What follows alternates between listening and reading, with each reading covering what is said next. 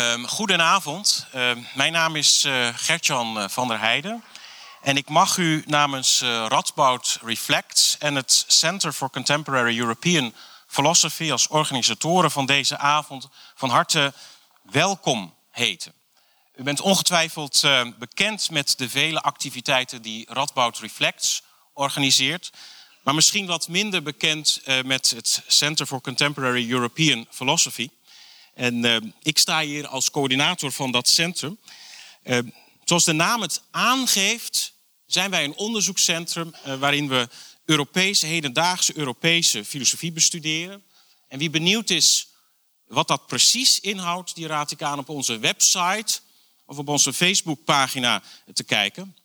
In ieder geval is een van de kenmerkende en een van de karakteristieke zaken dat u daar dan niet alleen maar Engelstalige publicaties zult vinden, maar ook publicaties in het Nederlands, het Frans en het Duits. En gezien de huidige discussies over meertaligheid, lijken we daarmee onze tijd ver vooruit te zijn. Dan zijn we de nieuwe avant-garde. Ehm, de reden waarom wij hier vanavond samen met Radboud Reflex staan, ehm, is omdat wij als centrum vandaag ons eh, vierde verjaardag eh, vieren. En wij plegen deze verjaardag eh, te vieren met een publiekslezing. En we zijn blij dat dat ook dit jaar, net als de voorgaande jaren, opnieuw gelukt is en dat de opkomst eh, zo goed is. En voor onze verjaardag nodigen wij ehm, stevast een spreker uit waarvan wij denken dat hij bij uitstek een vertegenwoordiger is van het type wijsbegeerte dat wij in het centrum van belang vinden. En tot ons uh, grote genoegen mogen wij vanavond professor Antoon van de Velde als spreker aan u voorstellen. Uh, professor van de Velde is filosoof en econoom en emeritus hoogleraar van het Centrum voor Economie en Ethiek van het Hoger Instituut voor Wijsbegeerte aan de KU Leuven. Er zijn natuurlijk vele redenen om deze eminente geleerde vanavond uh, uit te nodigen. Um, maar de heel concrete aanleiding voor deze lezing um, voor deze uitnodiging is de recente verschijning van zijn eh, boek Het geweld van geld. Dat u na afloop van het programma kunt aanschaffen. En dat getuige de ondertitel een onderzoek is naar de ziel van de economie. En om u alvast een indruk te geven van dat boek, lees ik het volgende van de achterflap voor. Ehm, ethiek en economie staan haaks op elkaar, zo wordt vaak gezegd. De zucht naar rijkdom en de logica van de winst verbinden mensen, maar zetten ze ook tegen elkaar op. De ideeën van rechtvaardigheid en solidariteit lijken daarbij in het gedrang te komen. Maar tegelijkertijd willen mensen ook iets betekenen voor anderen en is hun morele verontwaardiging vaak een machtiger drijfveer dan eigenbelang. Einde citaat. Over deze spannende thema's en vragen zal professor Van der Velde ook vanavond met ons spreken. Het programma van vanavond is eenvoudig. Professor Van der Velde zal zijn lezing uitspreken en zal daarna in gesprek gaan met Lisa Doeland, programmamaker van Radboud eh, Reflects. En in de loop van dat gesprek zal er ook aan u de gelegenheid worden geboden om met uw vragen zich in het gesprek te mengen en daaraan bij te dragen. We zijn blij, professor Van der Velde, eh, dat u onze uitnodiging hebt willen aanvaarden en graag geef ik u het woord om uw lezing uit te spreken.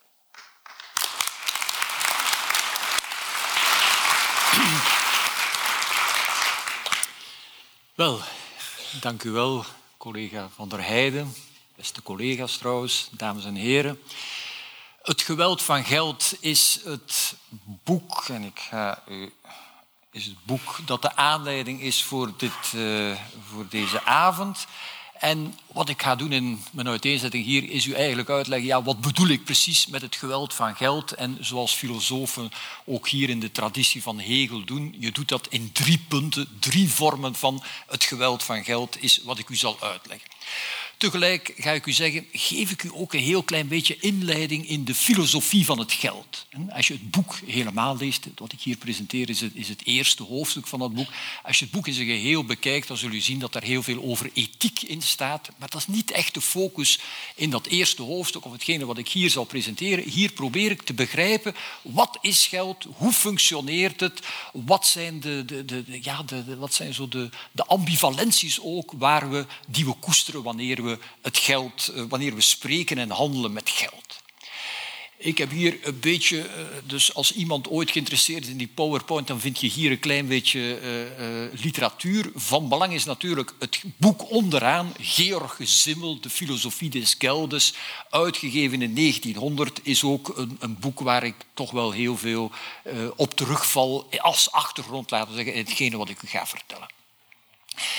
Kijk, laat ik eerst iets zeggen over, of laat ik proberen die, die thematiek van de ambivalentie van het geld u aan te brengen. Ambivalentie betekent een soort tweewaardigheid. Geld is positief en negatief tegelijk. En hetgene wat ik ga proberen is ja, daar, daar een beetje greep op te krijgen.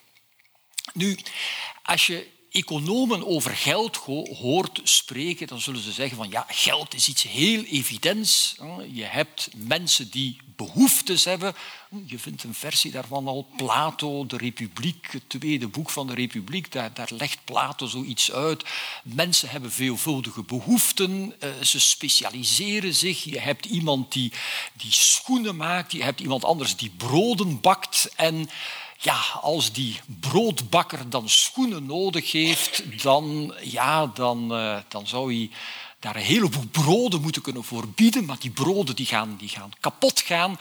Met andere woorden zeggen die economen dan, het is leuk als we dan geld hebben als bemiddeling, dat maakt de ruil tussen mensen, dat maakt de behoeftebevrediging eh, makkelijker. Dan hoeft die, die schoenmaker niet op zoek te gaan als hij honger heeft naar een bakker die, die tegelijk ook schoenen nodig heeft. Dat is een, een, een heel makkelijke oplossing, een efficiënte oplossing, geld als efficiënte oplossing van een, een rouwprobleem, een probleem van behoeftebevrediging van talrijke mensen.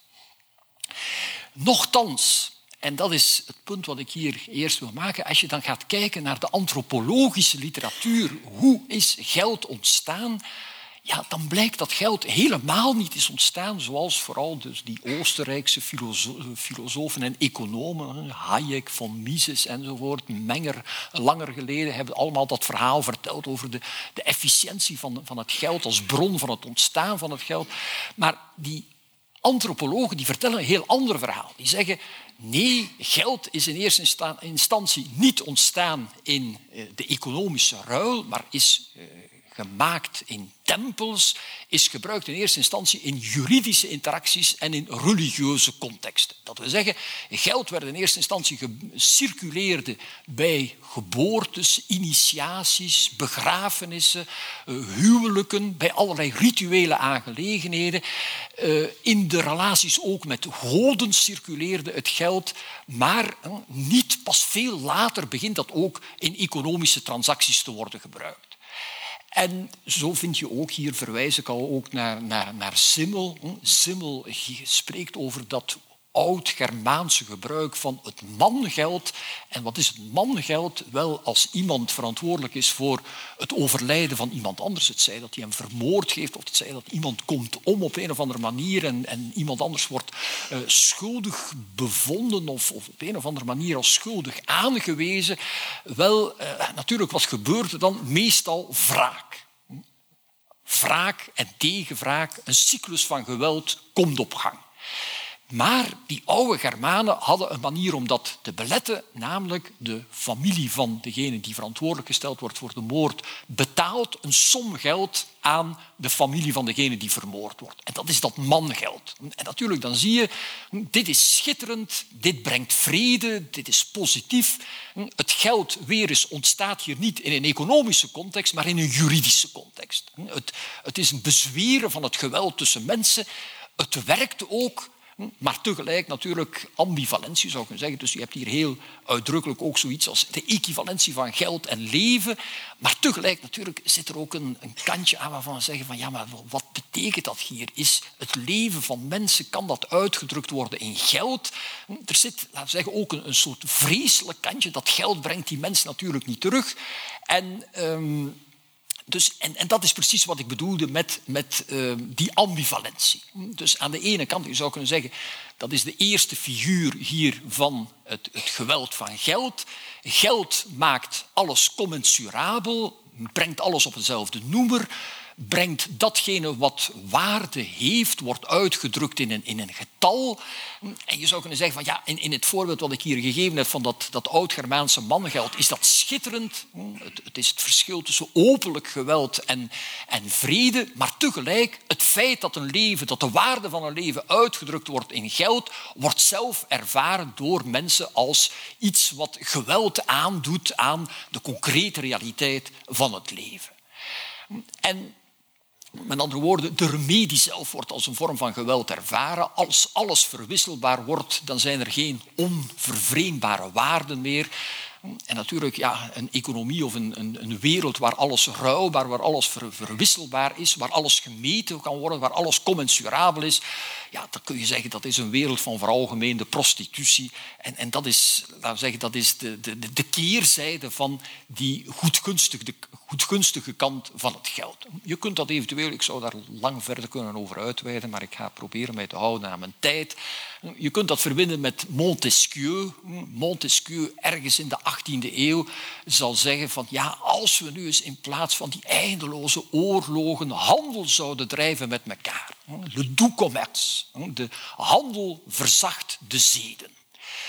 En ja, dat was een invloedrijke gedachte. Uh, handel is veel rationeler dan oorlog. Hm, dat is een van de dingen die ik soms uitleg. Ik heb mijn hele leven lesgegeven aan filosofen en aan economen. En aan die filosofen legde ik uit dan dat economie niet zo dwaas is als filosofen uit zichzelf wel eens denken. Terwijl ik aan die economen uitlegde dat, dat uh, filosofie interessant is, ook voor economen.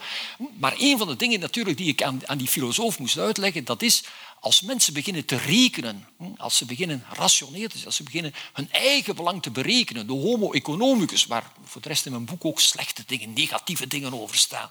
Eh, maar die homo economicus, als mensen redeneren als homo economicus, dan gaan ze in heel veel gevallen geen oorlog voeren, maar dan gaan ze proberen bargaining, hm, eh, handel drijven in de plaats van oorlog. Dat is wat Montesquieu zegt, maar natuurlijk anderhalve eeuw later, Lenin is dan degene die het tegenovergestelde gaat beweren. Die zal zeggen, kapitalisme dat is, is van nature expansief. De handelslogica leidt tot imperialisme, tot kolonialisme, tot oorlog. En nog altijd uh, zijn filosofen en sociale wetenschappers daarover aan het discussiëren. Onder welke voorwaarden leidt handel tot, tot vrede en onder welke voorwaarden leidt het tot oorlog? Niet alleen filosofen, maar ook economen zijn voortdurend bezig met deze problematiek. Maar het is natuurlijk een, een, een illustratie van hetgene wat ik u hier wil uitleggen, namelijk die ambivalentie van het economische en van het geld. Ik heb u nog zo'n voorbeeld gegeven, de ambivalentie van de deeleconomie. Je kunt zeggen, wat is die deeleconomie waar nu in de kranten en ik vermoed ook in Nederland even goed als in België veel over te doen is? Is het een uitdrukking van spontane solidariteit of is het precies een uitdrukking van de teloorgang van die solidariteit? Ik suggereer het u hier, als ik een kamer heb in mijn huis en mijn kinderen zijn de deur uit en ja, die kamer staat daar leeg, waarvoor ga ik die kamer gebruiken? Ja, dan kun je zeggen van ja, ik sluit mij aan bij Airbnb en ik ga die kamer verhuren, ik maak daar geld van. Niemand, heeft daar, geeft, niemand geeft er iets aan aan die kamer. Maar je kunt natuurlijk ook zeggen, ik kan ze gratis ter beschikking stellen van bezoekers. En natuurlijk, u ziet de vraag die ik u stel, wat is nu uitdrukking van spontane solidariteit? Eh, is het uitdrukking van spontane solidariteit of van de teloorgang ervan?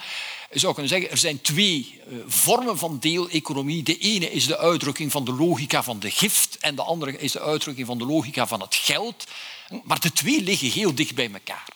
Maar in mijn, in mijn, boek heb ik een hoofdstuk waar ik dan die twee logica's onderscheid. Maar nogmaals, eh, ik ga hier niet alles uitleggen wat er in dat boek staat beweeg nu naar de tweede definitie van um, die, die, het geweld van het geld. En ik doe dat met Aristoteles. Aristoteles is de eerste geweest die systematisch over geld uh, gesproken en, en, geschreven heeft. Trouwens, de eerste ook die over economie geschreven. Daarvoor waren zo bij de Mesopotamiërs wat, wat boekhoudkundige geschriften en zo. Maar, maar hier bij Aristoteles vind je een, een, een systematische reflectie over geld en economie. En Aristoteles kadert dit in een denken dat veel meer algemeen is. Hij zal zeggen, de hele natuur, alles in het universum is doelgericht, streeft naar een doel. En bij Aristoteles, dus vandaar we noemen dat een finalistisch of een teleologisch wereldbeeld, het doel is ook het einde van het streven. Eens je het doel, je vindt dat ook in, in, in, de, in de taal, hè. we spreken soms over doeleinden. Eens je het doel bereikt, eindigt het ook. In het Frans, une fin, la fin.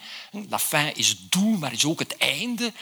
En dus het idee van Aristoteles is, alles in het universum, ook de menselijke strevingen, hebben een natuurlijke doelmatigheid. En eens je die doelmatigheid bereikt hebt, ja, dan, dan hoef je ook niet verder meer te gaan met je strevingen. En dus je hebt hier het, het, evidente voorbeeld natuurlijk. Wie honger heeft, heeft maar één brood nodig.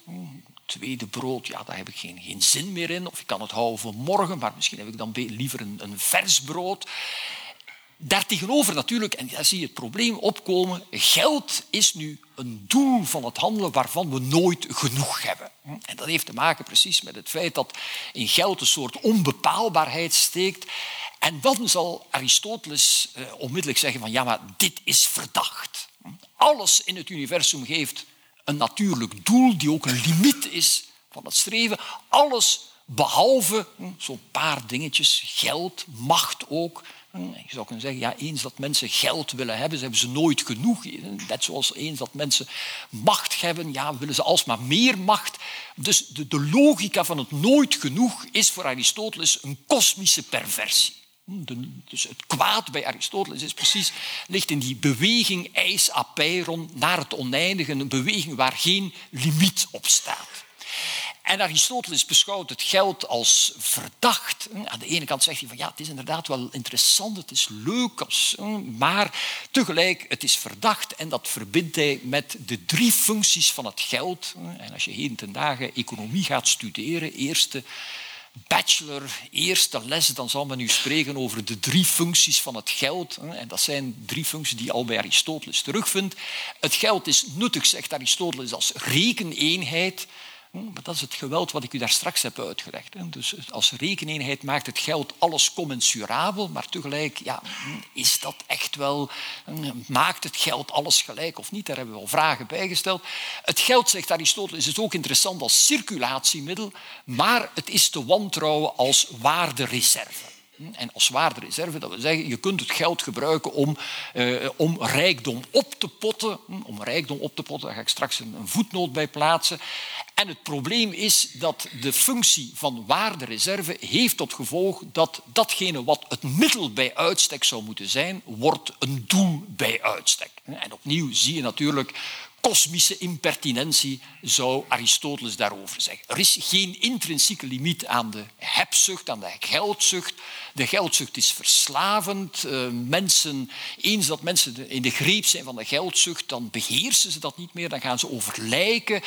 En weer eens, u ziet hier de, het geweld van het geld naar voren komen. Um, een geweld van het geld, dat is de tweede figuur die ik hier verbind met die functie van een reservemiddel. Het geld maakt eh, een nieuw type van ongelijkheid mogelijk. Niet meer niet meer een, een, soort statutaire ongelijkheid, eh, gebaseerd op, op afkomst, traditie of maatschappelijke functie. Maar het geld maakt uh, het mogelijk dat een elite ontstaat die de traditionele elites opzij schuift. Wat denk ik Aristoteles al niet zo heel leuk vond. Uh, maar als je de hedendaagse vertaling daarvan vindt, dan, dan, zit je bij Piketty die zegt van ja, als, als er heel veel ongelijkheid is in de maatschappij, dan brengt dat de democratie in gevaar. Want dat is wat je in Amerika hebt natuurlijk. Onbeperkte giften die mogen gegeven worden aan politieke partijen hebben tot gevolg dat het hele politieke democratie wordt, wordt geperverteerd. Het is het geld in de functie van reservemiddel maakt uh, een bedreiging uit voor de hiërarchie van waarden, maar ook van de maatschappelijke hiërarchie. Maar natuurlijk, je zit daar met een probleem. En Aristoteles voelt zich daar ongemakkelijk bij. Het geld is goed als rekeneenheid en als circulatiemiddel. Maar het is slecht als reservemiddel. Dus je voelt dat Aristoteles zit dat, dat denken van zouden we niet zo'n soort geld kunnen uitdenken dat wel kan dienen voor de circulatie, maar niet om, om macht en rijkdom op te potten. En het probleem is natuurlijk dat dit, ja, dat dit een onmogelijk probleem is.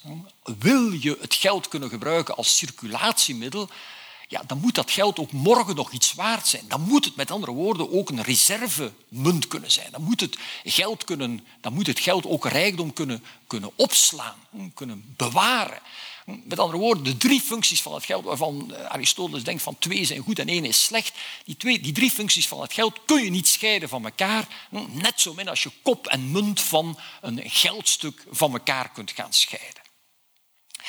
En dus hier maak ik nu een reusachtige sprong natuurlijk in de geschiedenis. Maar als je dan kijkt naar Keynes, aan mijn economiestudenten moet ik daar dan meestal een beetje, eh, een beetje uitleg bij geven. Want Keynes eh, kennen ze niet meer zo goed als toen ik, dat, eh, toen ik economie studeerde, vele jaren geleden. Maar Keynes had eigenlijk hetzelfde probleem. Keynes zegt, omdat een economie zou draaien, moet het geld circuleren.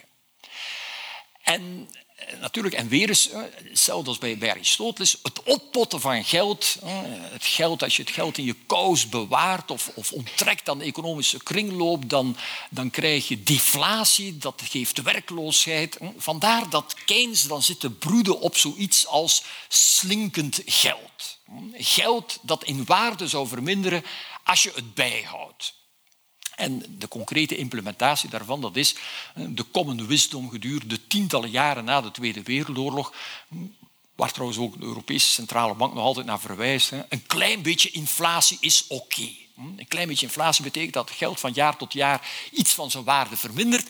Natuurlijk, zoals ik u straks zal uitleggen, dat kan heel makkelijk ontsporen in hyperinflatie. En hyperinflatie kan leiden tot een verlies aan vertrouwen in het geld als geheel. Maar we gaan een stukje verder moeten zijn om dat, dat uh, precies te gaan uitleggen. Ik heb hier nog zo een paar andere voorbeelden. Ambivalentie van het geld. Een van die dingen weer eens, we zijn geneigd om te zeggen van ja, er, er, is heel veel geld is iets nuttigs en tegelijk is iets gevaarlijks. En hier heb je zo'n voorbeeld. Dikwijls zullen we zeggen van ja, in de hele wereld daar daar, is een reusachtige circulatie van eh, financiën, van eh, obligaties, van aandelen, van allerlei vormen van geld, circuleren de wereld rond. En natuurlijk, soms zullen mensen dan zeggen, wat is de doelmatigheid daarvan? Mensen zullen zeggen, of, of critici van de economie zeggen dan ook dikwijls, het grootste deel van die geldbewegingen zijn louter speculatief. En maar natuurlijk, weer eens, hoe kun je dan precies het onderscheid maken tussen speculatieve transacties en aanvaardbare geldbewegingen? Hm, dus ik heb hier zo'n voorbeeld. Stel dat je Griekse staatsobligaties in je portefeuille hebt en je gaat, uh, je gaat die verkopen. Je, je zegt van ja, die Griekse overheid die gaat het niet lang meer, meer stand houden. Hm, ik wil die verkopen. Wel, dan kun je zeggen, ja, is dat nu het, het beheer van je bezit als een goede huisvader? Hm, je kunt zeggen ja. Is het speculatie tegen de Griekse overheidsschuld? Ja, het is ook dit. En dus weer eens, zou kunnen zeggen, dat internationale geldsysteem, de rationaliteit ervan is dat het geld en krediet moet draineren naar de meest efficiënte bestedingen. Dat doet het ook in zekere mate, maar diezelfde kanalen kunnen ook gebruikt worden voor speculatieve doelstellingen. En dat heeft dan tot gevolg ook, als je dan zegt van ja, we gaan die speculatieve bewegingen gaan we proberen, uh, proberen af te snijden, ja, dan heb je ook altijd een efficiëntieverlies dat je daarmee mee hebt. Dus weer eens ambivalentie van het geld, waarbij de goedaardige en de kwaadaardige kant heel moeilijk van elkaar kunnen worden gescheiden. Maar bon, u hebt hier iemand die economisch vooraan staat, maar die ook filosoof is. En aan een filosoof kun je het soort van vragen dan stellen zoals ik ze hier stel. Wat is dat nu, geld? En dat zijn dingen, dan zeggen we allemaal, ja, we weten wat het is. Ik kan het eventueel uit mijn, mijn zak halen en tonen. Voilà, dit is geld. Maar aan filosofen vraag je dan een definitie. De kortst mogelijke definitie van geld is, geld is niets anders dan geïnstitutionaliseerd vertrouwen. Dat is ook Georg Simmel, wat hij heel sterk in de verf zet. Wat is geld? Je zou kunnen zeggen, het is een claim op een stukje rijkdom in de toekomst.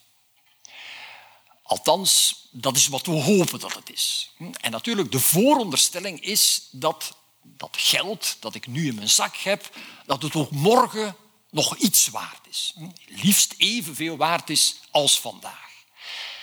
Met andere woorden zou je kunnen zeggen dan geld verschijnt hier als teken van rijkdom.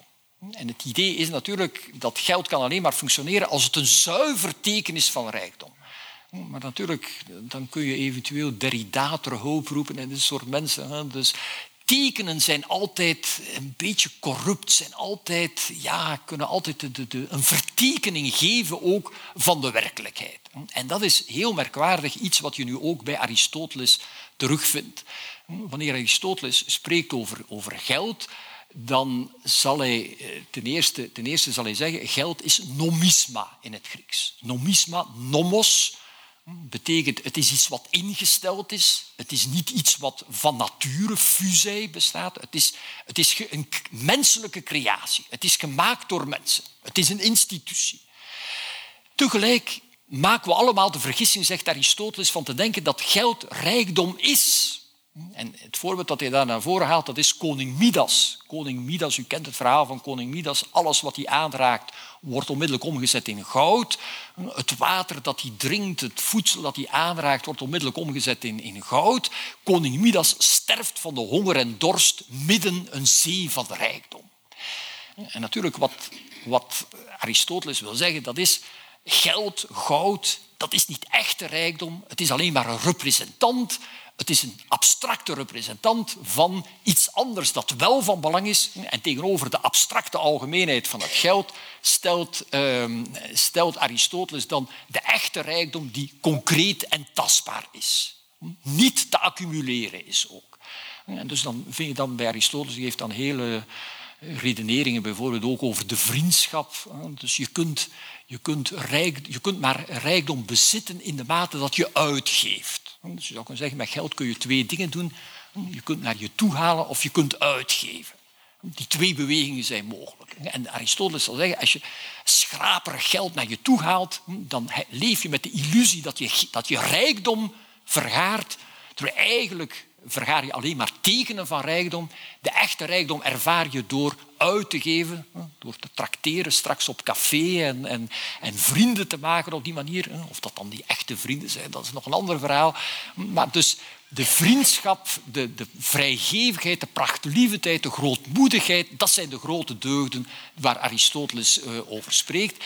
En nogmaals, de geldzuchtige uh, neemt het teken voor realiteit dus wat je verzamelt als je geld verzamelt, zijn tekenen en niet het echte.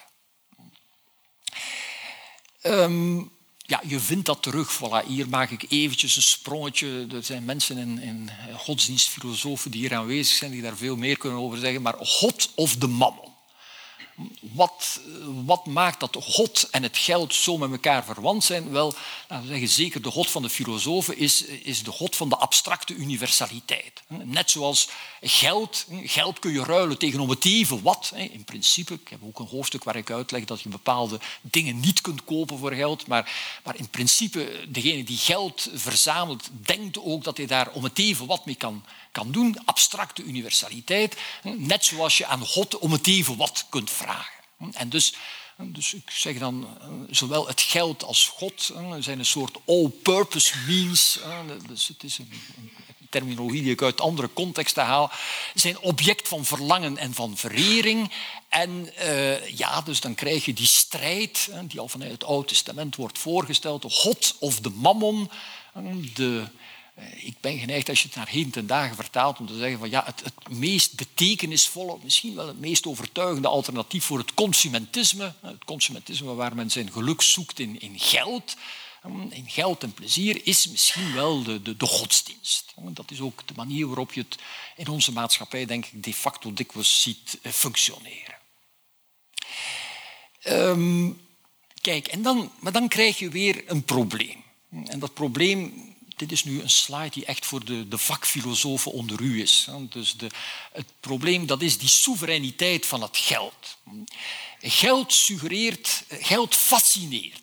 Fascine, fascinatie, wat is fascinatie? Fascinatie betekent je wordt aangetrokken door iets wat je tegelijk afstoot. Geld suggereert een almacht, een onaantastbaarheid die eh, niet menselijk is, terwijl tegelijk, en dat ga ik u dadelijk uitleggen, het geld eigenlijk een regelsysteem is van menselijke makelij. En dus, dus wat ik hier eh, ga proberen uitleggen, dat is geld ehm, kan alleen maar functioneren als mensen er een absoluut vertrouwen in hebben. Als mensen ook geloven in het geld, in, in het feit dat het geld morgen nog evenveel waard zal zijn. En tegelijk is het geld een menselijke institutie. En als je een klein beetje historisch perspectief hebt, dan weet je, alle menselijke instituties zijn verhankelijk, zijn broos, kunnen, kunnen teloor gaan. Oh, ik heb hier een verwijzing naar Rousseau en zo. Ik ga dat niet verder becommentariëren, want anders raak ik eh, door mijn tijd heen. Maar ehm, kijk, laat ik proberen u nog iets nauwkeuriger te definiëren waarin wat het geld dan precies is. En dat is wat ik dan noem een institutionele visie op geld. Dus geld is niet een muntstuk, geld is niet een stukje papier, geld is niet wat cijfers op een bankrekening. Geld is in eerste instantie een, een systeem van regels. Wat wordt er geregeld door dat regelsysteem?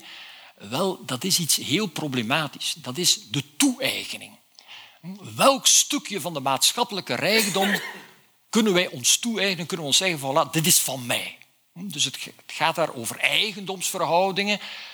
Toe-eigening van wat? Ja, daar straks zou ik naïefweg gezegd hebben, toe-eigening van rijkdom. Maar nu, sinds ik u uitgelegd heb van koning Midas, wat we ons toe-eigenen is niet rijkdom, maar zijn tekenen van rijkdom. Wel, die tekenen van rijkdom zijn natuurlijk begerenswaardig. Zijn object van, van, van strijd dikwijls. Ik heb het hier nog niet gezet, maar soms zal ik zelfs zeggen object van klassenstrijd. Er is strijd over wie wat mag krijgen in onze maatschappij. En dus de, de, economische orde is dan voor mij een geldorde die eigenlijk een geheel zal zijn van regelsystemen die die toe-eigening zullen gaan, zullen gaan organiseren. Wat betekent dat concreet? Want u denkt nu misschien, ja, daar krijgen we een punthoofd van, eh, van dit soort abstracte formuleringen, maar voilà, de toe-eigeningsdrang regelen, hoe, hoe doe je dat? Wel, je kunt zeggen, hoe kan ik toegang krijgen tot tekenen van rijkdom? Hoe kan ik geld verdienen? Ja, je kunt zeggen, ik kan gaan werken. Als ik ga werken, ja, dan, dan kun je, in België hebben we nog het verschil tussen bediendenstatuut en arbeidersstatuut. Dus dat zijn twee verschillende regelsystemen die bepalen waar je recht op hebt. Je kunt ook zeggen, ja, maar ik heb geen zin om te werken, ik, uh, ik ga proberen een werkloosheidsuitkering te krijgen. Ja, dan val je onder de regels van de werkloosheidsuitkering. Als je die regels, onder die regels valt, dan heb je bepaalde rechten. Maar je kunt ook zeggen van ja, ik kan niet werken omdat ik ziek ben. Dan val je onder de regels van de ziekteuitkering. Je kunt ook zeggen van ik ga, ik ga niet gaan werken voor iemand anders. Ik word zelfstandig. Ik dien een investeringsdossier bij, bij een bank in. Met andere woorden, ik zeg aan die bank, geef mij geld. Ik zal daar, daar, daar veel al meer geld mee verdienen. Ik zal je dat terugbetalen. Wel, weer eens, als je een auto gaat kopen, dan kun je daarvoor geld lenen, maar dan val je onder andere regeltjes dan wanneer je een investering gaat doen. Als je een, een hele grote speler bent, dan, dan, kun je, dan kun je op andere manieren krediet vinden, krijgen dan wanneer je een hele kleine speler bent. Microkrediet eh, is een heel ander systeem van regeltjes dan, dan hypothecair krediet, enzovoort, enzovoort. En dus je ziet, wat is, ons, wat is een economisch systeem? Het is een heel, heel complex systeem een gedifferentieerd systeem, zou je ook kunnen zeggen, van allemaal eh, regeltjes, regelsystemen die zeggen onder welke voorwaarden je toegang krijgt tot geld. En je kan zeggen, ja, dat, dat, is, dat is allemaal goed en wel, maar waarom is dat belangrijk? Wel, mm, het, eh, waarover gaan die regeltjes? En hier komen we tot de derde figuur van het geweld van geld. Waarover gaan die regeltjes? Die regeltjes specifieren altijd de terugbetalingsdwang. Als je de, de essentie van geld ligt in het krediet. De essentie van het geld betekent, ik geef iets, maar er moet iets terugkomen. Die bank geeft je een lening, maar zegt je moet terugbetalen binnen zoveel tijd, met die interest, met die waarborgen enzovoort. Een heel regelsysteem dat eraan vasthangt. En met andere woorden, het geld detailleert telkens opnieuw detailleert het geld op welke termijn, onder welke voorwaarden, met welke interestvoet enzovoort je moet terugbetalen. Soms letterlijk aan een bank, soms in de vorm van de arbeid die je presteert, gedurende zoveel uren enzovoort, met, met die, onder die voorwaarden. Met andere woorden, de regels van de geldorde, zoals ik hier gezegd heb, specifieren die terugbetalingsdwang. En dan heb je natuurlijk die harde wet. Wie niet aan die terugbetalingsdwang kan voldoen, ja, die, die gaat failliet, die gaat bankroet, die wordt als economisch subject vernietigd. En ja, je kunt zeggen dat is een, een, een, vrij letterlijke vorm van geweld. Je kunt natuurlijk zeggen, ik presenteer dat hier een beetje als, als moet ik zeggen, in, in, in een filosofische setting, maar dat betekent het drama over de hele wereld. Neem al die boeren en boertjes die moeten investeren, geld lenen bij banken. En die voedselprijzen, dat gaat nogal erratisch op en af. Als ik bij mij thuis uit mijn dakvenster kijk, dan kijk ik over een vallei en in de verte zie ik een, een, een witloofschuur die daar ooit gezet is toen het witloof niet meer geteeld werd in de grond, maar op aquacultuur reusachtige investering van een jonge boer die vooruit wilde. En uh, een, een, jaar of twee later had, uh, waren er duizend van dit soort schuren opgericht. En mijn overbuurman heeft zelfmoord gepleegd omdat hij zijn schulden niet kon terugbetalen. Waarna twee weken later ook zijn vader zelfmoord gepleegd heeft om dezelfde reden. Het geweld van geld. Het geweld van een terugbetalingsdwang die, uh, ja, die soms strikter is, soms minder strikt. En dat, is, dat staat denk ik op mijn volgende slide. Ten eerste natuurlijk, die regels van die geldregels zijn nooit neutraal. Zijn altijd controversieel. Zijn inzet, zeg ik hier, van klassenstrijd. Die geldregels zijn altijd ofwel meer in het voordeel van de schuldeisers of meer in het voordeel van de schuldenaars. Maar nooit neutraal. En natuurlijk, eh, vandaar dus zie je dan het, het, het, wat ik hier aan het proberen en uitleggen ben, dat is ook het kwetsbare van die hele geldorde. Het, zoals ik u daar straks al gezegd heb, die geldorde, het moet lijken alsof ze onpartijdig is. Het moet lijken alsof ze 100% betrouwbaar is, van buitenaf aan ons gegeven wordt. Als een soort goddelijke of quasi-goddelijke orde. En tegelijk weten we dat dat niet het geval is, dat ze inzet is van strijd, van bargaining tussen eh, eventueel voor het ogenblik die, die, die Europese Centrale Bank en de Amerikaanse Centrale Bank. Die Europese Centrale Bank bijvoorbeeld die zegt van ja, maar die, die staten zitten vol met schulden, dat kunnen ze nooit terugbetaald krijgen. We gaan, we gaan zodanig veel geld uitgeven dat er een, een nul interestvoet is. Nul interestvoet, dat betekent dat eh, de, de, ik weet niet hoe het in Nederland is, maar, maar in België in elk geval heb je daar duizenden en duizenden bejaarden die hoopten te kunnen leven van de interest van hun geld. Ja, er is geen interest meer van hun geld. Waar, ja, je krijgt herverdeling van die bejaarden naar bijvoorbeeld die overheid die rot zit van de schulden. Geen neutraliteit van die geldregels, alhoewel het moet lijken alsof ze wel degelijk uh, neutraal zijn. Um, ja, de keerzijde van het geweld van het geld. Als je geld geeft aan mensen die geen geld hebben, dan bevrijdt dat wel degelijk. Aan de andere kant natuurlijk, als je eh, als een bank geld uitleent aan armen die dat geld niet kunnen terugbetalen, dan is dat geweld. Want dat is hetgene wat in de Verenigde Staten de, op een bepaald ogenblik gebeurde. Dus die, al die Amerikaanse huiseigenaars die goedkope kredieten kregen en van zodra de interestvoet een beetje steeg, dan gingen ze eraan, waren ze failliet, waren ze slachtoffer van het geweld van het geld. Maar nogmaals, dus het is niet alleen geweld van het geld, er is een soort ambivalentie waarvan het geweld één van de, de uitdrukkingen is. En dan kun je daar eventueel een, een macro-theorie van maken. Dan kun je zeggen van ja, als die gelddwang, de gelddwang, u begrijpt wat ik daarmee bedoel, de, dwang om terug te betalen, als die heel strikt is, dan, dat betekent bij de minste bij de minste eh, gelegenheid dat je niet kunt terugbetalen, eh, word je onmiddellijk failliet verklaard. Ja, dan krijg je deflatie, dan krijg je werkloosheid, dan krijg je inkrimping van de economie. Aan de andere kant, als men zegt van, en dat is een beetje meer hetgeen wat we tegenwoordig hebben, dus je kunt niet terugbetalen, wel we gaan je krediet verlengen, of er is wel iemand anders die je krediet kan geven, of herinner u de, de tijden dat eh, de banken in problemen geraakten met slechte kredieten, die ze meestal gekocht hadden van Amerikaanse banken, waarvan ze achteraf zeiden van ja, we wisten het niet wat we aan het kopen waren. Ja, dan, dan die banken hebben dan geijverd dat ze die kredieten zouden, die slechte leningen zouden kwijt kunnen aan, aan een nationale bank, aan de Europese Centrale Bank. Maar natuurlijk eh, geleidelijk aan, er is geen tweede wereld waar al die slechte kredieten kunnen naartoe gestuurd worden.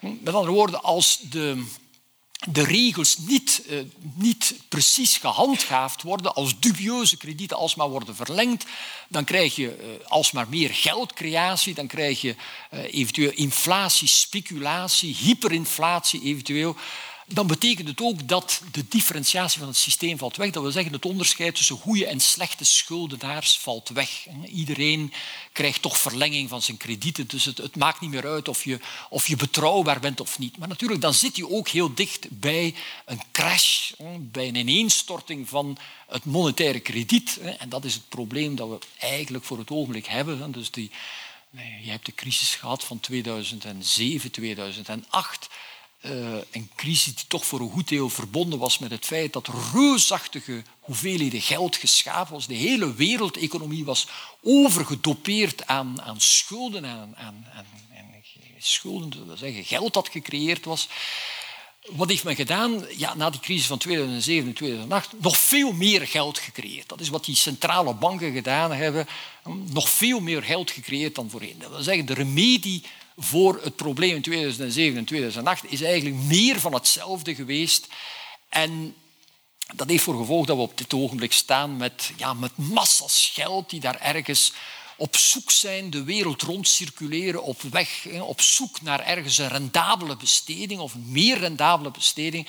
Ja, dat is een beetje zoals, zoals eh, een, een schip dat een klein beetje water maakt. Als er geen compartimenten zijn, dan dreigt het hele schip te kapseizen. Dan krijg je uh, hypes. Iedereen die gaat inzetten op we moeten aandelen kopen van Amazon of van dit of van dat. Dat, dat, um, dat um, winstgevend lijkt. Dat we zeggen, dus je zit in zo'n situatie, zit je eigenlijk objectief in een relatief gevaarlijke situatie. Dus dat is hetgene wat ik hier heb uitgelegd op deze slide ook. Um, natuurlijk, men hoopt natuurlijk dat um, door de geldexpansie de groei in gang te houden, op die manier de schuldenberg beter te verteren. Anderen zullen zeggen van ja, maar we zouden beter, eh, we zouden beter de hele zaak wat drastischer saneren. Maar dat zijn, laten zeggen, de discussies die je dan hebt heen ten dagen onder uh, economen voor filosofen ook interessant is hetgene wat ik hier uitleg, namelijk um, een van de leuke dingen of interessante dingen, ik weet niet of het echt leuk is, want uh, het gaat over geweld toch tegelijk, uh, dat is um, dat je eigenlijk um, wat we gedaan hebben met de globalisering en met de creatie van dat reusachtig ingewikkelde internationale geldsysteem, wat we gedaan hebben, is eigenlijk al die lokale circuits met elkaar verbinden. Dus dat betekent, als er een probleem is op één bepaald, in één bepaald land of zo, ja, dan wordt dat uitgesmeerd ook met verzekerings- en herverzekeringscontracten enzovoort over de hele wereld. Met andere woorden, wat men gedaan heeft, dat is het systeem. Het, de globalisering betekent dat we lokale systemen hebben verbonden in één groot wereldwijd geïntegreerd systeem. Maar heeft ook tot gevolg gehad dat we de compartimenteringen daar geschrapt hebben. En zou ik zeggen, door die compartimenteringen te schrappen kunnen we lokale crisissen beter de baas. Maar het probleem is dat het risico van een globale systeemcrisis eigenlijk zonder dat we het willen, zelfs in onze poging tot beheersing van die lokale crisissen, creëren we een groter systeemrisico. Je kunt dat, als je dat een beetje op een bevattelijke manier wil zien, eh, herinner u de, de, de, crash van, van de, de, de WTC-torens in New York. Niet alleen die, die torens, maar een heleboel torens daar rond. Reusachtige vernietiging van rijkdom. Dan zou je kunnen zeggen van ja, dat, dat, dat, hoe kan een maatschappij dat verteren? Wel ja, dat, er zijn verzekeringsmaatschappijen die dat verzekerd hebben. Die verzekeringsmaatschappijen op, op hun beurt hebben herverzekeringsmaatschappijen en nog eens herverzekerd. Dus dat hele systeem is zo met elkaar verbonden dat ja, de, de, de, de, de, vernietiging van de WTC-torens heeft tot gevolg dat in de hele wereld het jaar erop de verzekeringscontracten iets duurder worden. Dus, dus een lokale crisis die uitgesmeerd wordt over dat hele systeem. Maar natuurlijk, wat als dat hele systeem verdacht wordt? Wat als door hypes of de een of andere min of meer futiele aanleiding is dikwijls voldoende, dat hele systeem in problemen raakt? Wel, um, ik denk dat, dat daar een soort risico's gecreëerd zijn die, zonder dat iemand de intentie gehad heeft om die te creëren, maar die, laten we zeggen, als een soort onbewust handelen achter onze rug heen. Economen zullen dikwijls zeggen, de onzichtbare hand is iets wat, wat harmonie creëert achter onze rug heen. Maar hier heb je een soort verhoogd risico dat achter onze rug heen is gecreëerd. Hoe remedieer daarvan? Dat is het laatste wat ik hier ga, ga uitleggen. Wel, je zou opnieuw compartimenten moeten invoeren in dat wereldsysteem om te zorgen dat systeemcrisissen niet besmettelijk zijn. Kleine spelers, eh, grote spelers verkleinen, zodanig dat ze niet de overheid kunnen ruïneren, wat we in België toch wel ongeveer gehad hebben. De Dexia-bank heeft voor gevolg gehad dat de overheidsschuld in België met één klap, een Dexia en... Eh, BNP Paribas, uh, Fortis in die tijd. Ja, in, één klap kregen we 10, 15 procent van, de, van, de, van het bruto nationaal product. Meer staatsschuld. Als je dan weet hoe, hoe lang regeringen moeten werken om die staatsschuld een heel klein beetje te reduceren. Hm, dus grote, die grote spelers eh, maken eigenlijk een reusachtig risico voor, voor maatschappijen. Hm, maar natuurlijk tegelijk de Europese, de Europese Unie had dat goed gezien. De Europese Unie heeft dan gezegd van ja, maar die, die grote spelers moeten opgebroken worden in kleinere spelers. Bovendien, die kleinere spelers kunnen ook grote putten maken, dus die moeten we reguleren. Juiste antwoord. De eerste die daar tegenin gingen waren die nationale staten die zeggen hola, hola, wacht eventjes. We zijn nog maar net overgegaan van een, een, een industriële economie naar een diensteneconomie. Die diensteneconomie, een belangrijk aspect daarvan, dat zijn die banken en die financiële sector. Gaan we die nu wegjagen door strengere regulering dan in de buurlanden? Nee, dit is de kip met de gouden eieren, dat gaan we niet doen. Maar natuurlijk op die manier tolereert men voor het geheel van de maatschappij risico's ja, die, die toch wel heel aanzienlijk zijn. Het einde, dat is het laatste wat ik ga zeggen. Dus regulering Regulering is het antwoord op dit alles. Regulering is niet een soort, uh, hoe moet ik zeggen, een soort hocus-pocus verhaal. Regulering is altijd fragiel, altijd opnieuw. Na elke crisis zie je een vorm van regulering die ten dele werkt, maar waar dan tegelijk omwegjes voor zijn. Ik denk dat je de hebzucht van mensen niet kunt afschaffen, maar regulering betekent dat je die probeert in, in min of meer eh, niet al te schadelijke banen te leiden. Maar ik denk, uh, ja, hetgene wat ik u uitgelegd hetgene wat Aristoteles eigenlijk ons al van bij het begin uitlegt, is de fragiliteit van die geldsystemen Eventueel kun je dat, als ik daar straks over klassenstrijd maar, eh, sprak, kun je, daar, kun je dat ook min of meer marxistisch gaan analyseren. Het juiste antwoord daarop, denk ik, is een institutioneel kader scheppen waarin um, die hebzucht gereguleerd wordt en waarbij we die regulering ook altijd opnieuw moeten bijstellen. Dit was een lange uiteenzetting toch. Dank u voor uw aandacht.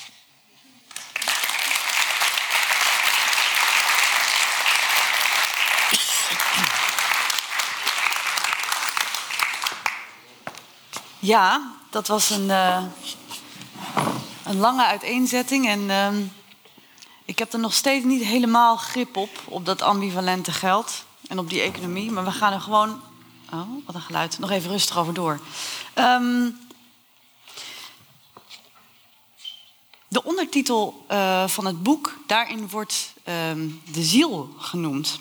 De ziel van de economie ja, de ziel is datgene wat niet te koop is natuurlijk. Dus, dus dat is hetgene wat ontsnapt aan dit alles. Um, Natuurlijk, een, van de manieren om te ontsnappen aan, aan het geweld van het geld is eh, van te zeggen, er zijn een aantal sferen in mijn leven waar, waar ik geen beroep wil doen op geld of waar ik ook niet wil dat de, logica van het geld binnenkomt. Dat is hetgene wat ik in het tweede hoofdstuk van dat boek bespreek. Ik dit. Ehm, ik denk over het algemeen vriendschap, uh, liefde, de begeerte die elk mens kenmerkt aan waardering. Dat zijn domeinen waar we liever geen geld mee gemoeid zijn. Ja. De waardering die je koopt op de markt door het feit dat je ze koopt, is, is onmiddellijk al niks meer waard. Dus dat is, dat is het perversieargument. Dus, dus doordat je sommige dingen op de markt brengt, raken ze geperverteerd. Maar dan is daar dus juist binnen, binnen de logica van vraag en aanbod, uh, binnen het economisch systeem, is er dus eigenlijk juist inderdaad geen plek dan voor de, voor de, de bezieling of voor, voor de ethiek misschien wel? Wel, eh, natuurlijk, de, het idee is waar, waar geld is, waar geld is, uh, is de, is de ziel weg. Ja. verliest de ziel haar betekenis. Vandaar eventueel, als je wil, God, uh, de, God of de mammon is de keuze tussen spiritualiteit en geld. Iemand die zijn hele leven bezig is met... Als ik ooit in de tijd, lang, lang geleden, 45 jaar geleden, als ik economie begon te studeren, dan had ik één enkele idee fix. Ik wil nooit iets verkopen. Omdat het idee dat ik dan al had was, als je, als je bezig bent met dingen te verkopen, ja, dan heb je je geest niet vrij voor ideeën. Of kijk in het politieke leven. Je hebt twee maar geef geen verkoper. U wilde nooit een verkoper worden. Nee. Bedoelde u? Nee, ja. nee. Maar kijk ook in het politieke leven. Je hebt politici met ideeën en je hebt politici met belangen. Twee totaal verschillende types van politici. Als intellectuelen verkiezen we natuurlijk politici met een idee. Hè? Dus die, die, een, die een idee willen realiseren. En dus de, de, ziel, de ziel van de maatschappij, de ziel van de mensen, de ziel van, van nou zeg, ik ben geneigd te zeggen, ook het leven zelf is datgene wat ontsnapt aan, is minstens voor een deel datgene wat ontsnapt aan, aan die economie. Ja. Dus ik ga daarom... ja. Maar moeten we soms onze handen dan niet vuil maken? Ik denk dan ook aan een politicus met ideeën. Uh, die die wil realiseren. Die zal misschien zo af en toe dingen moeten doen die het daglicht wat minder kunnen verdragen. Of waar die in ieder geval mee zal worstelen, waar ethiek dan weer een rol in gaat ja, spelen. Maar die het daglicht wat minder kunnen verdragen, dat is, dat is het, het, probleem met die idealistische politicus. Eens hij begint zich handen vuil te maken, dan stopt het niet meer. Dus, dus in dat opzicht denk ik dat, uh, dat, je daar, dat het in elk geval al belangrijk is om te weten dat dit, dat dit een, een, een probleem is. Hm. Maar, nou zeg de, de, ik, ik denk dat het belangrijk is in ons leven om dingen te doen en domeinen te hebben waar we uh, het geld niet binnenlaten op het einde van de dag, ja, of, of je kunt het ook anders zeggen, je moet je dag beginnen met, met een uurtje sport te doen. Dat is niet onmiddellijk nuttig, daar verdien je geen geld mee. Ik zal nooit een uh, prijswinnaar worden in, in de loopconcours of weet ik veel. En je moet je dag eindigen met, uh, met een uur filosofie of poëzie te lezen. Dat is niet nuttig, dingen te doen die absoluut niet nuttig zijn. Natuurlijk, daartussenin moet ik geld verdienen om mijn, mijn kinderen eten te geven en weet ik veel. Maar sferen bewaren waar je, uh, waar je zorgt voor de ziel, bij wijze van spreken. De ziel is nu een beetje met opzet gekozen als ouderwetse terminologie. Ja. Maar als iets wat niet nuttig is en waar we dingen doen die, die een soort intrinsieke betekenis hebben, maar die, die niet in geld of in nut of wat dan ook om te zetten zijn. Ja, maar is dat iets waar u zich zorgen over maakt? En dat u het idee heeft dat um, de domeinen die dus niet aan die, die, de logica van het geld onderworpen zijn, dat die in het geding zijn? Ik denk aan een voorbeeld wat u ook noemt in het boek: uh, draagmoederschap, uh, orgaandonatie bijvoorbeeld. Kun je ook doen om eraan te verdienen. Mag je niet. Uh, vrouwen kunnen hun, in Nederland niet, maar kunnen hun eicellen afstaan, kunnen daar geld voor krijgen. Allemaal dat soort dingen zou je zeggen. Dat, dat, dat, dat is in het geding op het moment. Daar moeten wij voor voor dat sluipenderwijs. Zeg, ik heb twee, twee, antwoorden op wat je nu zegt. Ten eerste, als het gaat over de voorbeelden die je geeft, um, daar denk ik dat we inderdaad, um, ja, dat, dat daar inderdaad een gevaarlijke logica is, zoals ik ook daar straks over die deeleconomie gezegd heb. Hè, die, je hebt je parkeerplaats of je garage die, die, die, die, die de halve dag vrij staat, of je kamer en zo. Dus je, je kunt daar geld van maken. En je kunt natuurlijk je kunt zeggen van ja, ik heb maar, één nier nodig, ik maak die andere nier te gelden enzovoort. Het, het antwoord daarop, dus het eerste antwoord tegen die logica van het geld was sommige dingen van intrinsieke waarde gaan teloor. Het tweede antwoord, het tweede antwoord is, als je de logica van het geld overal toelaat, dan, ja, dan dat is geen vrijheid meer, dat is dwang. Alleen met mensen die heel arm zijn of die heel afhankelijk zijn, zullen bereid zijn een nier te verkopen, orgaandonatie, draagmoeder te worden enzovoort. Ja. En, en welke intrinsieke waarden gaan daar teloor? Wel, in het geval van draagmoederschap? daar, zou ik, daar zou ik... Wel, in het geval van draagmoederschap is nog iets anders. Dus ik, ik onderscheid twee argumenten. Het ene argument is het perverteringsargument. Vriendschap wordt geperverteerd als je ze verkoopt voor geld. Ja. Het tweede argument is het dwangargument. Dus um, arme mensen worden gedwongen tot bepaalde transacties die ze, als ze een klein beetje bij hun verstand zijn en, en, en iets rijker zouden zijn, die ze helemaal niet zouden willen doen. Um, en bij draagmoederschap komen de twee dingen samen natuurlijk. Dus bij draagmoederschap eh, krijg je zoiets, je zou kunnen zeggen, als ik hier een ouderwets Aristotelisch natuurargument gebruik, je zou kunnen zeggen, een, een draagmoeder wordt betaald om precies geen band te leggen met het kind dat ze draagt en dat ze zal laten geboren worden. De natuurlijke hang van zaken is ik weet, er zijn veel natuurlijke hangen van zaken waarvan ze zeggen van ja, wat is dat nu wel natuurlijk? Maar de natuurlijke hang van zaken is dat een moeder met het kind dat geboren zal worden een, een band aangaat. Hier wordt ze, zeker in commercieel draagmoederschap, wordt ze betaald om geen band te leggen met dat kind. En daarvan denk ik, ten eerste, daar speelt het dwangargument in de zin dat alleen maar vrouwen die, die van geen hout pijlen weten te maken, zullen dit accepteren. En ten tweede speelt het perversieargument, namelijk de, de, de, de band tussen moeder en kind wordt geperverteerd door het geld. Maar ik wil nog eventjes terugkomen tot wat je daar straks suggereerde, want het boek wat ik hier gepubliceerd heb, is eigenlijk, in tegenstelling tot de titel Het geweld van geld, klinkt een beetje onheilspellend zou je kunnen zeggen, maar eigenlijk is dit boek relatief optimistisch. En wel degelijk op het punt ook wat je daar straks aanhaalde, dus ik denk niet, of ik dacht 30, 40 jaar geleden wel, en ik denk het nu niet meer, dat de logica van het geld alsmaar verder oprukt en alsmaar meer domeinen van het leven in beslag neemt. Je kunt daar voorbeelden van geven waar dat gebeurt, maar tegelijk ben ik geneigd om te zeggen van ja, maar het, het, het leven komt altijd weer naar boven en het leven komt naar boven en ja, in, in de zin van mensen die, die enthousiast zijn voor iets, die zich engageren, die zich engageren, die, die kunstenaar worden, ook al weten ze dat ze met hun capaciteiten veel meer geld zouden verdienen in andere sectoren van het leven. Um, met andere woorden, er is, er, is, er is een soort balans in de wereld tussen de logica van het geld en de logica van wat ik dan noem de gift. En die balans, soms krijgen we het gevoel van ja, die balans raakt uit evenwicht, maar dan zien we weer nieuwe dingen opkomen. Dus dat, dat, is, dat is iets. Dus ik ben daar minder pessimistisch over dan 30 jaar geleden. Ja, ik wil het zo nog wel even. U, noemde de gift, daar wil ik zo graag naartoe. Maar um, ik vraag me ook af: is het probleem niet met. Um, uh, u noemde met het draagmoederschap. Het idee is dat je juist een band aangaat met het kind. Dat doe je daarin juist niet. Ik denk ook aan Um, deeleconomie zou zeggen je geeft iets, maar dat doe je dan eigenlijk juist niet. Um, uh, je kan ook nog andere voorbeelden bedenken. Als je liefde probeert in transacties. Liefde is ook iets wat je normaal geeft. In dit geval vraag je er iets voor terug. Dus alsof dat ook tot een paradox leidt. Omdat uh, dat wat uh, het eigenlijk behoort tot het moeder worden of tot het houden van, dat, dat, dat verdwijnt daarin. Is, is, zit daar niet ook het probleem? ja, van het geld. Ja, ja, maar natuurlijk geld in zekere mate, laten we zeggen, zeker in bepaalde contexten, geld corrumpeert. Maar tegelijk, ik heb je ook een voorbeeld gegeven, geld kan ook bevrijden. Dus als je, als je je kinderen geen eten kunt geven, als je, als je niks, om, niks om handen hebt en, ja, en je krijgt dan een beetje geld, dat is bevrijding. Hm. Trouwens, in de, in de gelukseconomie leggen we dat goed uit. Vanaf een bepaalde drempel maakt geld je niet meer gelukkiger. En een van de dingen die men ontdekt heeft, dat is die, die drempel ligt eigenlijk vrij laag.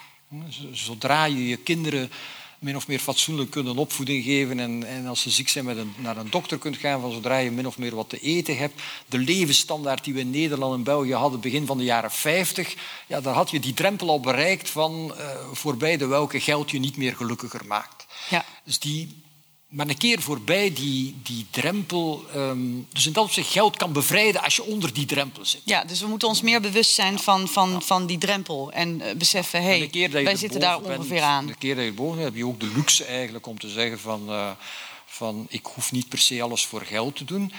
En dat hangt ten dele af natuurlijk ook van de maatschappij waarin je leeft.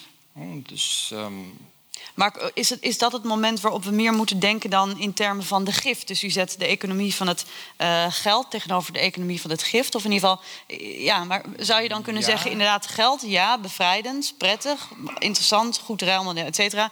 Maar we moeten Ja, maar niet vergeten eerste- dat we het ook kunnen... Het eerste waar ik dan zou aan denken, dat zijn publieke voorzieningen. Dus ehm, leven in een maatschappij, het grootste deel, ik, ik weet niet of, of u zich dat in Nederland realiseren, in België heb ik de indruk dat, dat we dat heel weinig realiseren, dat eh, in de meeste landen in de wereld, als je je kinderen een fatsoenlijke opvoeding wil geven, dan moet je hen sturen naar dure privéscholen, dan moet je je hele leven voor werken. Soms krijg ik van Chinese studenten in Leuven die, die eh, ja, hun ouders, hun hele leven van hun ouders ligt in die ene, dat ene kind dat ze hebben dat ze in het buitenland laten studeren. Daar offeren ze alles voor op. Een Ja. kind dat nooit meer terug zal gaan naar China, dat ze misschien zelfs nooit in hun leven nog zullen zien. Dus de opoffering van, van mensen gaat daar, gaat daar heel ver in. Maar natuurlijk, je zou kunnen zeggen, wat is, dat is logica van de gift.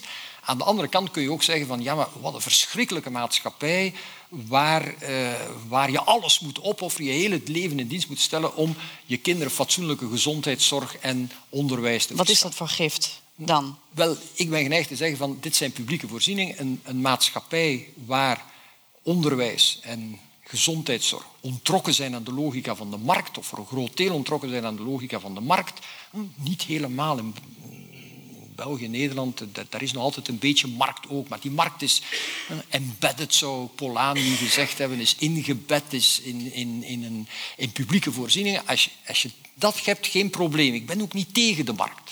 Maar hij moet goed ingebed zijn. En er moeten publieke voorzieningen zijn. En publieke voorzieningen zou eventueel kunnen zeggen van wat, dat is een, een gift van de maatschappij, gebaseerd op belastingen natuurlijk enzovoort. Maar eh, ja, het is een ander type van maatschappij. Een maatschappij waar je, waar je eh, dag en nacht moet werken om je kinderen kansen te geven in je leven. Of een maatschappij waar je ze gratis naar school kunt sturen. Dat is wel een ander type van maatschappij. En, Ja. en, en dus dat is, dat is één ding. Maar dan logica van de gift. Kijk, er is een logica van de gift. De duidelijkste, de duidelijkste voorbeeld van een logica van de gift, dat is het vertrouwen. Dus ik heb daar straks ook gezegd, geld is geïnstitutionaliseerd vertrouwen. Ja. In, in de taal ook. We zeggen, we geven vertrouwen aan iemand. En wat, wat is vertrouwen? Wel, je zou kunnen zeggen, vertrouwen, dat betekent, ik verwacht dat je gaat doen wat je mij beloofd hebt. Ik verwacht dat je aan aan je engagementen gaat houden. Ook in een situatie van onzekerheid. Dat wil zeggen, ik heb geen controle over wat je doet, maar toch verwacht ik dat je je belofte zult houden. Ja. Dat vertrouwen, per definitie heb je geen zekerheid. Je geeft vertrouwen en meestal zal je vertrouwen niet beschaamd worden. Af en toe wordt het wel beschaamd. Dan kun je zeggen van ja, ik trek naar de rechtbank of zo. In sommige gevallen kun je dat wel, in sommige gevallen kun je het niet. Ook als je het wel kan, dan is het, het vet al van de soep. Dan, dan, eh, eh, dan, moet je, dan maak je advocaten rijk, maar word je zelf niet beter van. Maar dus vertrouwen heb je nodig in alle dimensies van het leven en heb je dus te meer nodig in een hedendaagse economie. Als je, als je kijkt, als ik kijk naar de, de, ik kom uit zo'n echt industrieel dorp, ben ik afkomstig. B-kaart in Zwevingen, wat 8000 arbeiders. En, en ja, die, die, groot deel daarvan werkt aan de lopende band. En, en, ja, en die, die economie was een economie van de controle. Dus je had meestergasten en die controleerden en je had een prikklok en je had een, heel universum. Trouwens, die fabriek zag er zoals Foucault dat beschrijft, met, met grote muren, met eh, een opsluiting, controle. Dit was, Weinig, dit was weinig vertrouwen daar. ja, dat, Ja. dat- dit, is, dit is de economie van de controle. Als ik nu, ik moet nu in de verleden tijd spreken, sinds een paar maanden ben ik emeritus, maar al- als ik geld kreeg van wetenschappelijk onderzoek en je, en je, en je, je werft een assistent aan, ja, daar zit een stukje Human Resource Department, daar zit een stukje personeelsdienst, die stellen een contract op. Eigenlijk als prof interesseert mij dat niet. Het enige wat mij wel interesseert, dat is dat die student zich inzet, dat hij gegrepen wordt door zijn onderzoek. In het begin moet je zelf wat geven, moet je zeggen van ja, je moet hiermee beginnen en daarmee en je, je helpt hem wat op de weg. Maar als de dingen goed zijn, zijn na, na een jaar of twee komt hij eraan en zegt die prof, dit is wat je moet lezen, dan krijg je return. Wel, On investment. Return on investment als je wil. Maar, maar tegelijk zou je kunnen zeggen, het is, het is de sfeer van de gift. Hm. Ik kan dit, ik kan, je kan engagement, creativiteit, klantvriendelijkheid in sommige, of patiëntvriendelijkheid in sommige contexten. Je kunt dat allemaal niet in een, in een contract schrijven. Dit, is, dit behoort tot de orde van de gift. En, mijn stelling is dat in onze hedendaagse maatschappij, zeker in een kenniseconomie, meer dan ooit moeten we, kunnen, wel, kunnen we niet anders beroep, dan beroep doen op die gift, op die economie van de gift, op die economie van het vertrouwen, veel eer dan op een economie van de controle. Betekent dat dan ook dat, er een, dat wij beter uh, aan een basisinkomen kunnen? Dat wij vertrouwen moeten krijgen, een gift als het ware zelf, om daar weer mee terug te geven wat wij zelf willen? Um, wel, ik, ik, er zit een hoofdstuk in een boek waarin ik uh, over het basisinkomen spreek. Dus de legitimatie van het basisinkomen zoals die door filosofen gegeven wordt, daar ben ik het volledig mee eens. Daar is in ons leven een giftdimensie. We hebben geen, enkel, enkele verdienste aan de natuurlijke rijkdommen die bestaan op de aarde, die zijn gegeven. We hebben geen enkele verdienste aan de, de, de, de rijkdom die geaccumuleerd is door vorige generaties. Dat hebben zij gedaan, bravo voor hen, maar daar hebben we zelf geen verdienste aan. Je kunt dan, dat is de redenering van mijn collega Philippe van Parijs dan, je kunt ook zeggen van uh, in elke maatschappij, hoe ze er ook uitziet, heb je een beperkt aantal aantrekkelijke posities. Je, hebt, er zijn altijd veel meer gegadigden voor die posities dan, dan er posities zijn. Dan zou je kunnen zeggen van ja, we gaan, die, we gaan die gelijk verdelen. In principe zou dat gelijk verdeeld moeten worden. Iedereen mag één dag in zijn leven professor zijn. Maar je voelt onmiddellijk, ja, dit, dit werkt niet, dit is inefficiënt, dan krijg je geen goede professors. Met andere woorden, wat doen we? We zeggen, we laten toe dat een kleine groep mensen deze aantrekkelijke posities monopoliseert, maar zij moeten daarvoor betalen, belastingen betalen. Hm. En dan krijg je met die drie bronnen erfenisbelasting, milieubelasting en, en inkomensbelasting, of de hoge inkomens die tegelijk ook de meest aantrekkelijke jobs zijn, dan krijg je een fonds, waaruit, een fonds dat je in principe gelijk moet verdelen. Maar dan komt mijn, mijn probleem met Philippe van Parijs en met het basisinkomen. Philippe van Parijs zal zeggen, je moet dit in eerste instantie herverdelen in de vorm van een monetair inkomen in geld. Hm. Ik ben geneigd te zeggen, nee, nee, het eerste wat je moet doen, dat is zorgen dat je een systeem van gezondheidszorg, toegankelijke gezondheidszorg hebt voor iedereen, van goede kwaliteit, dat je een onderwijssysteem hebt uh, dat goed toegankelijk is, gratis is zo mogelijk. Is dat niet gewoon wat wij vroeger hadden als uh, de verzorgingsstaat? Wel, ja, maar dus hetgene wat ik zeg, dat is dat wat we hebben in onze verzorgingsstaat is eigenlijk een basisinkomen, maar in natura, niet in geld. En natuurlijk, dan zeg ik, als je, als, je dan, als je dat allemaal hebt, die publieke voorzieningen van goede kwaliteit, die van belang zijn vooral voor de zwaksten. Dus, want dat is wat hen toelaat om te ontsnappen aan de logica van het geld. Dat, dat betekent dat, dat iemand niet gedwongen is om twee jobs op een dag, 12, 16 uur op een dag te gaan werken om zijn kinderen een goede, goede opvoeding te geven. Ja. Als je, als je dat is de eerste prioriteit. En dan zeg ik, als je nog geld over hebt, ja, dan mag je een basisinkomen geven. Maar, maar dus dat is dan mijn... mijn uh, zeggen, aan de ene kant ben ik het eens met die legitimatie van een basisinkomen. Maar zeg ik, in eerste instantie moet je ze moet je uitbetalen in de vorm van uh, publieke voorzieningen van goede kwaliteit. Waarom mogen mensen dat eigenlijk niet zelf bepalen? Wat ze daar dan mee willen? Waarom kun ah je ja, ze als je niet het geeft in geld, dan kunnen mensen dat zelf bepalen. Ja. ja. ja. Maar dan krijg je, dan kun je, natuurlijk dat kun je zeggen, dat is, dat is het verschil. Ik weet niet hoe het hier in Nederland is, maar in België heb je rechtse en linkse varianten van het basisinkomen. De rechtse variant, dat is die, die meneer Duchatelet, die, die, die een paar voetbalclubs in bezit heeft en, en heel veel geld geeft.